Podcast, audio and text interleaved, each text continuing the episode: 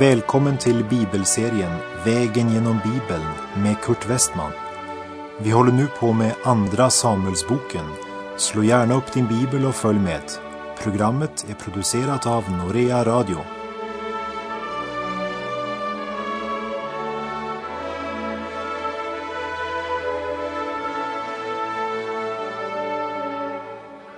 Vi har nu kommit till kapitel 4 i Andra Samuelsboken. Och innan vi fortsätter vår vandring genom Bibeln och den här delen av det gamla testamentet, så låt mig få påminna dig om något som Paulus skrev till församlingarna i Rom och i Korint. I Romarbrevet 15.4 skriver han Ty allt vad som tidigare har skrivits är skrivet till vår undervisning, för att vi genom den uthållighet och tröst som skrifterna ger skall bevara vårt hopp. Och i Första Korinterbrevet 10, vers 11. Det som hände dem tjänar som exempel och skrevs ner för att varna oss som har världens slut in på oss. Bibeln är alltså en gåva från Gud, från honom som är skaparen och som har gett oss livet, vår natur och utrustning. Det är givet av honom som känner oss bättre än vi känner oss själva. När ordet läses och studeras ger det uthållighet, tröst och det hjälper oss att bevara vårt hopp. Och skriftens budskap riktar sig till mycket mera än förståndet. Och den verkar även på vårt undermedvetna och till och med på vårt omedvetna. Den personliga läsningen av Bibeln ska påminna oss om att skriften, det skrivna ordet, är en gåva från Gud. Låt oss tänka på det också när vi nu ska vandra genom Andra Samuelsbokens fjärde kapitel. Vi har redan sett att det varit ett uppror mot David efter att han blev smord till kung över Judas stam och hur han flyttade till Hebron. Avner var den som stod bakom detta uppror genom att insätta Sauls son Isboset som kung över de elva stammarna i nord. Men Avner lämnade Isboset när han anklagade Avner för att ha tagit en av Sauls bihustrur till sitt eget harem. Då lämnade Avner Sauls hus och allierade sig med David. Men det var ett misstag. För Joab väntade bara på ett tillfälle att kunna mörda Avner som en hämnd för att Avner hade mördat hans bror Asael. Och när Isboset har förlorat Avner sin militära ledare så var det inget som längre höll Isbosets rike samman. När Avner mördades miste Isboset modet totalt. Vad skulle han nu göra? Vi läser i Andra Samuels bok kapitel 4, verserna 1 till och med 4. Då nu Sauls son hörde att Avner var död i Hebron sjönk allt hans mod och hela Israel var förskräckt. Men Sauls son hade till huvudman för sina strövskaror två män, av vilka den ene hette Bana och den andre Rekab, söner till Rimmon från Berot av Benjamins barn. Ty också Berot räknas till Benjamin. Men berotiterna flydde till Gittheim och där bodde de sedan som främlingar, vilket de gör än idag. Också Jonatan, Sauls son, hade lämnat efter sig en son som nu var ofärdig i fötterna. När budskapet om Saul och Jonatan kom från Israel var han nämligen fem år gammal och då tog hans sköterska honom och flydde. Men under hennes hastiga flykt blev han svårt skadad och förblev sedan halt.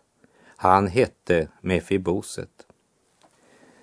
Mefiboset är ett ovanligt namn, men lägg det på minnet.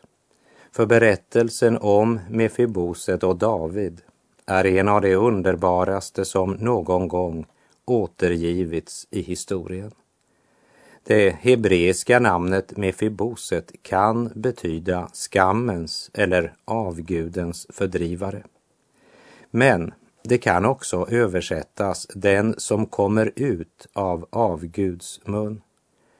Kanske gav man honom det namnet efter olyckan som gjorde honom till krympling för resten av livet. För hans ursprungliga namn var Merib Bal, det vill säga Bals bekämpare. I Första krönikerbok kapitel 8, vers 34 står det Jonatans son var Merib Bal. Och när det nu plötsligt talas om denne Jonatans son här och inte i kapitel 9 där det talas om Mefiboset, så är det nog för att förbereda det som ska berättas om Isbosets död.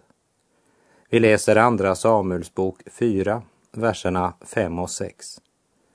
Nu gick berotiten Rimmons söner, Rekab och Bana, iväg och kom till Isbosets hus då det var som hetast på dagen, medan han låg i sin middagssömn. När det så, under förevändning att hämta vete, hade kommit in i det inre av huset sårade de honom med en stöt i underlivet. Därefter flydde Rekab och hans broder Bana undan. Dessa två, som i Sauls armé var officerare under Avner, griper nu chansen att mörda sin kung Isboset. De eh, hoppas på det sättet kunna vinna Davids välvilja. Och för att rädda sin egen framtid och ära så utför de denna nedriga och blodiga handling. Så lite känner de Davids hjärta och sinnelag att de tror sig göra David en tjänst genom denna handling. Hade David varit som Saul hade de blivit rikt belönade.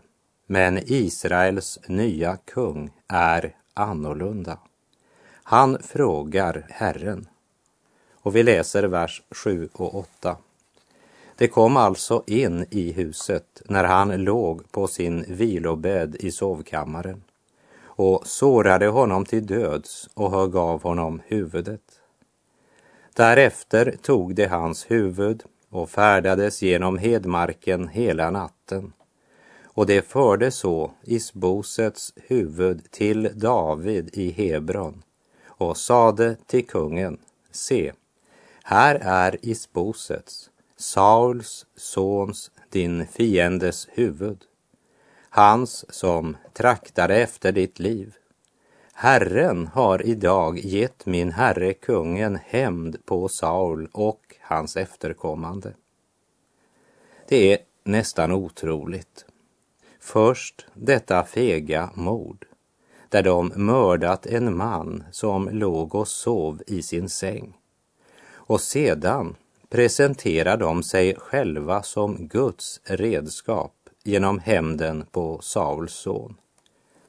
Men de gick sitt livs största överraskning till mötes när David säger, ni är ogudaktiga män som har dräpt en oskyldig man i hans eget hus, i hans säng.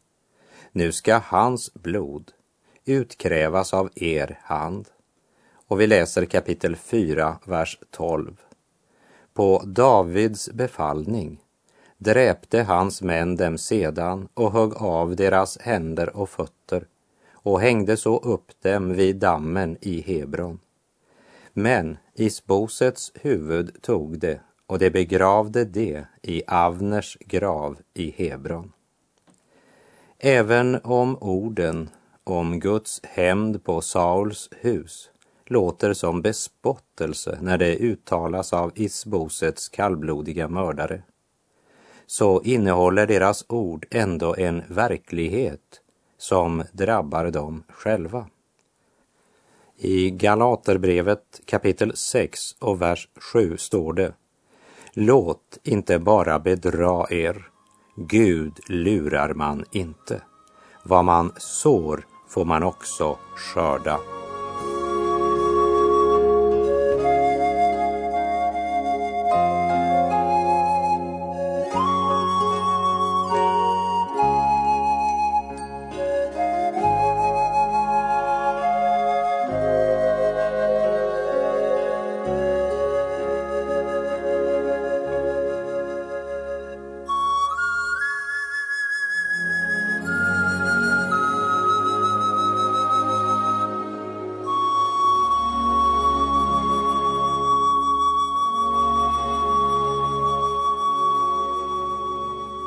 Avner, Sauls härförare som smorde i sposet en av Sauls söner till kung, han är nu död.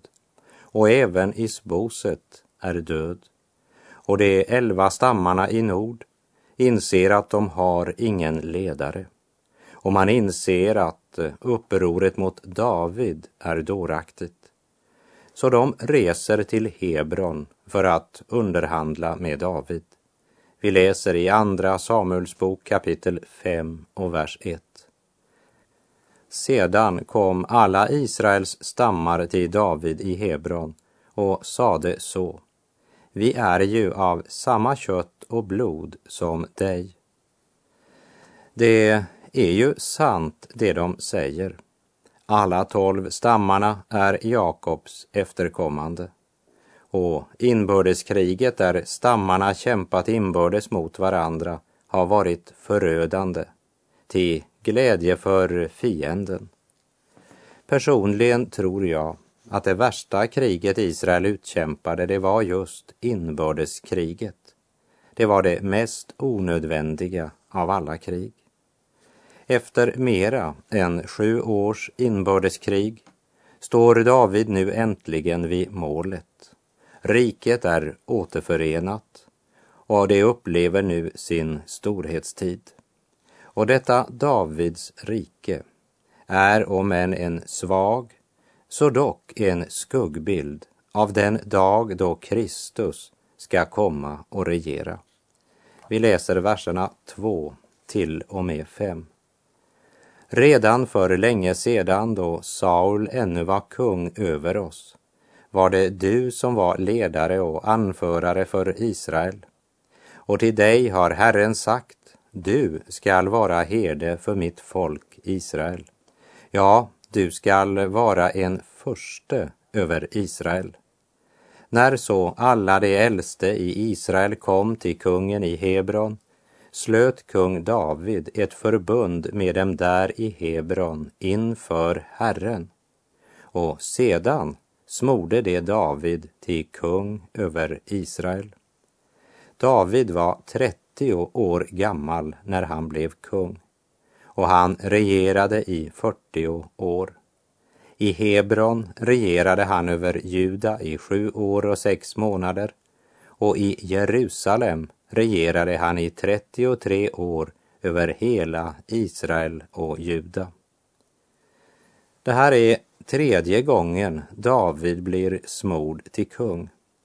Första gången så var det profeten Samuel som utförde handlingen som en profetisk förkunnelse om vad som skulle ske i framtiden.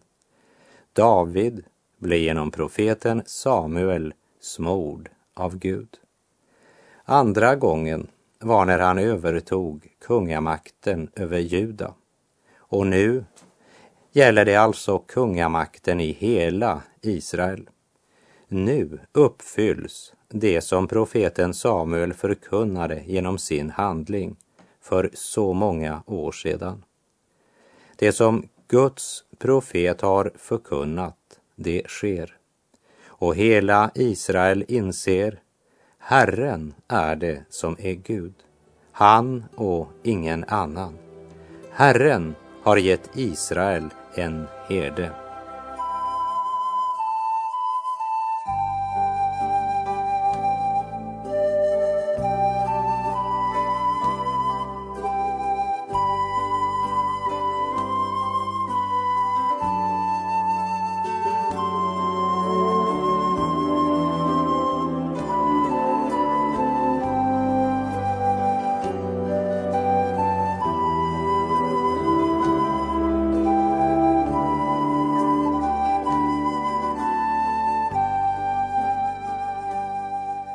Ska vi lägga märke till Davids första steg när det gäller att stärka och befästa riket. Han flyttar huvudstaden från Hebron till Jerusalem. Andra Samuelsbok kapitel 5, vers 6 och 7. Och kungen drog med sina män till Jerusalem mot jebuséerna som bodde där i landet. Det sade då till David, hit in kommer du inte. Blinda och halta ska driva bort dig. Det menar att David inte skall komma hit in. Men David intog likväl Sions borg. Det är Davids stad. Att David i många år levde som flykting i jordhålor och grottor när han flydde för Saul, det gör att många underskattar David. Människan ser så lätt till de yttre omständigheter och räknar så allt för lite med smörjelsen från Gud. Det gör också jebuséerna i Jerusalem. Och det jebuséerna här egentligen säger, det är att det är så lätt att försvara sig mot David så det kan en blind eller en lam klara av. Och det är utifrån den situationen man måste se Davids ord i vers 8 där det talas om dessa halta och blinda som David hatar. Alltså en bild på övermodiga och osympatiska personer som föraktar David och inte fruktar Gud. Men låt oss speciellt lägga märke till att Sion var den plats som var Davids hjärteplats framför någon annan. Det vill säga Jerusalems topp, Sions berg. I sina salmer talar David ofta om Sions berg och om Jerusalem. Jerusalems läge gjorde att staden var lätt att försvara och svår att erövra. Men kapitel 5 ger oss ingen detaljbeskrivning om erövringen av Jerusalem, men konstaterar bara kort och enkelt att David intog staden. Och för den troende idag flödar hjärtat över vid tanken på det nya Jerusalem. Vi läser i Andra Samuelsbok 5, verserna 9 till och med 12.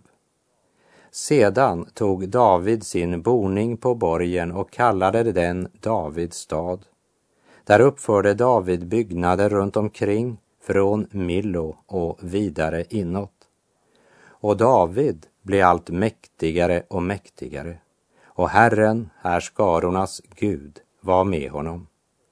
Och Hiram, kungen i Tyrus, skickade sändebud till David med cederträ och dessutom timmermän och stenhuggare och de byggde ett hus åt David.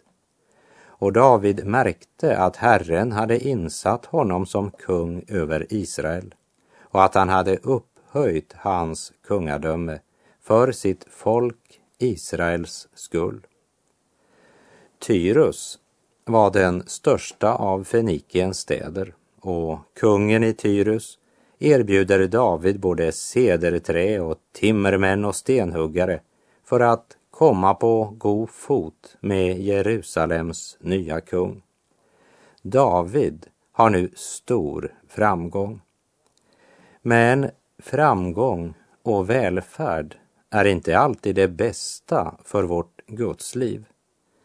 Innan vi går vidare vill jag bara påminna om de föreskrifter Gud givit angående en kung i Israel och som vi återfinner i kungalagen i femte Mosebok kapitel 17, verserna 16 till 20. Där Gud mycket klart säger att kungen inte ska skaffa sig många hustrur och inte för mycket silver eller guld för att hans hjärta inte ska bli avfälligt. Och med denna Guds kungaföreskrift i våra tankar så är det tragiskt att läsa i Andra Samuels bok 5.13 där det står Och David tog sig ännu fler bihustrur och hustrur från Jerusalem sedan han hade kommit från Hebron och åt David föddes ännu fler söner och döttrar. Efter repetitionen av femte Mosebok 17 behöver vi inte vara i tvivel om vad Gud menade om detta. Vi läser vidare i Andra Samuelsbok 5, vers 14 till och med 16. Dessa är namnen på de söner som föddes åt honom i Jerusalem. Samua, Sobab, Natan, Salomo, Jibhar, Elisua, Nefeg, Jafia, Elisama, Eliada och Elifelet. Jag vet inte något om de två första som nämns här, men jag vet lite grann om Natan och Salomo. Från Natans släktgren kom Maria, Jesu mor. Från Salomos släkt kom Josef, Marias man. Kristus har alltså sina släktband till David genom Natan och Salomo. Och därför blir dessa namn nämnda även här.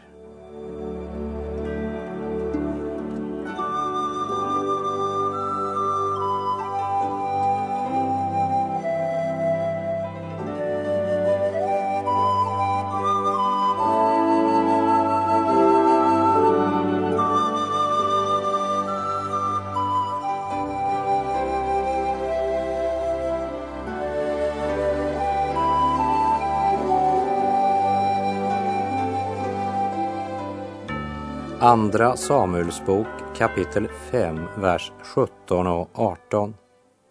Men när filisteerna hörde att David hade blivit smord till kung över Israel drog de allesammans upp för att fånga David. När David hörde detta drog han ned till borgen och sedan filisteerna hade kommit fram spred de sig i Refaimsdalen. Refaimsdalen, den ligger sydväst om Jerusalem. Här är det något som är mycket viktigt för oss att lägga märke till. Och det är att så länge riket var splittrat och härjades av inbördeskrig var inte filisterna rädda, varken för David eller för Guds Israel. Men när de hör att Israels stammar förenats och att de smort David till kung, då vaknar fienden och drar ut för att fånga David. Och vi läser vers 19 till och med 21. Då frågade David Herren, skall jag dra upp mot filisteerna?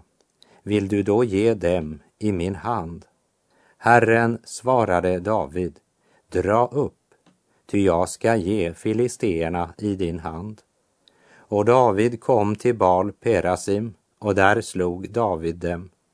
Då sade han, Herren har brutit ned mina fiender inför mig, liksom en vattenflod bryter ned. Därav fick det istället namnet Baal Perasim. De lämnade där efter sig sina avgudabilder och David och hans män tog dessa med sig. Så länge David regerade så slöt han aldrig fred med denna Israels huvudfiende. Och än en gång så lägger vi märke till att David frågar Herren. Det är Davids väg. Och Herrens svar är tydligt. David ska vara offensiv i förhållande till filisterna. Och när det står att de flydde så hastigt att de eh, inte ens fick med sig sina avgudsbilder som skulle hjälpa dem i striden, ja, då säger det något om filisternas förvirring. Israel är enat under en kung som är smord av Gud. hade Israels ark som bars av de liberala prästerna Hofni och Pinehas som levde i synd blivit bortförda av filisterna under striden vi läste om i Första Samuelsbok 4, så är nu situationen motsatt. Filisternas avgudar ligger kvar och David och hans män tar dem med sig. Vi läser Andra Samuelsbok 5, verserna 22 till och med 25. Men filisterna drog upp ännu en gång och spred sig i Refaimsdalen. När David då frågade Herren svarade han, du skall inte dra dit upp. Du må kringgå dem bakifrån så att du kommer över den från det håll där bakaträden står. Så snart du sedan hör ljudet av steg i bakaträdens toppar, skynda då raskt fram, ty då har Herren dragit ut framför dig för att slå filisternas här. David gjorde som Herren befallt honom, och han slog filisterna och förföljde dem från Geba ända fram mot Geser. Av det här underliga svaret som Gud gav David genom översteprästen så ser vi att svaret kom inte genom lottkastning eller ett eller annat tillfälligt. Men det var ett högst konkret svar som också tjänade som uppmuntran för Guds folk.